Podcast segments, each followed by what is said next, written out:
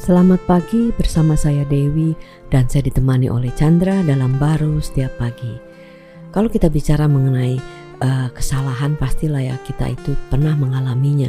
Baik perbuatan uh, yang salah itu tidak hanya dari tindakan, pikiran, kadang juga perkataan ya. Sehingga kita merasa tertuduh banget bahwa wah ini pasti kita akan kena hukuman atau terhukum gitu Gimana cara uh, hidup yang bebas daripada rasa terhukum itu?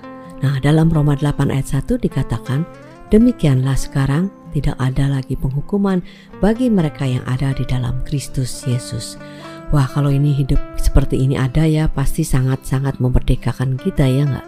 Ya, sebenarnya kalau kita lihat di firman Tuhan ini, kalau orang salah, kalau kena hukum, dibebas dari hukum ya senang-senang dong. Apalagi hukumannya berat begitu kan. Betul. kan. Merasa uh, kayak bebas banget, rilis lah gitu ya. Rilis, tapi kalau dia bilang kayak hukum aja dilanggar apalagi nggak dihukum tambah lagi dilanggar gitu kesannya kan hmm. uh, apakah seperti itu ya tentu enggak ya pada prinsipnya tadi yang sudah disebutkan manusia itu sudah nggak bisa lepas ya di bawah penghukuman. Ya karena kan maksudnya uh, dunia ini aja sudah ada di dalam penghukuman ya. Jadi yang semua yang ada di dunia ini ya sudah terhukum seperti kita juga ya. Ya sebenarnya kita uh, sudah dibawa pelanggaran. Hmm. Adam itu kan pertama kali sudah melakukan pelanggaran dan menurun kepada kita hmm, kan. Karena itu ya. Karena itu ya sehingga kita uh, menghadapi konsekuensi kematiannya itu hmm. kan di bawah hmm. penghukuman. Ya, upah nah, dosa adalah maut kan. Ya, sehingga uh, sebenarnya yang lain-lain itu uh, konsekuensi konsekuensi yang kita lakukan itu adalah bagian karena ketidakmampuan kita ya hmm. untuk melakukan yang benar uh, karena kejatuhan itu uh, hmm. sehingga walaupun kita nggak melanggar hukum uh, perusahaan atau hmm. hukum uh, pemerintah tapi adanya kesalahannya kan betul, betul. Uh, sehingga kita itu uh, itu menunjukkan sebenarnya kita itu tidak bisa lepas dari kesalahan hmm. karena kita sudah jatuh sebenarnya. Ada di dalam dia ya, makanya yeah. Rasul Paulus bilang kita ini saya ini manusia celaka gitu kan. Kan bukan berarti Paulus itu sudah melakukan tindakan uh, kejahatan kayak membunuh, mencuri hmm. ya kan, hmm. gitu.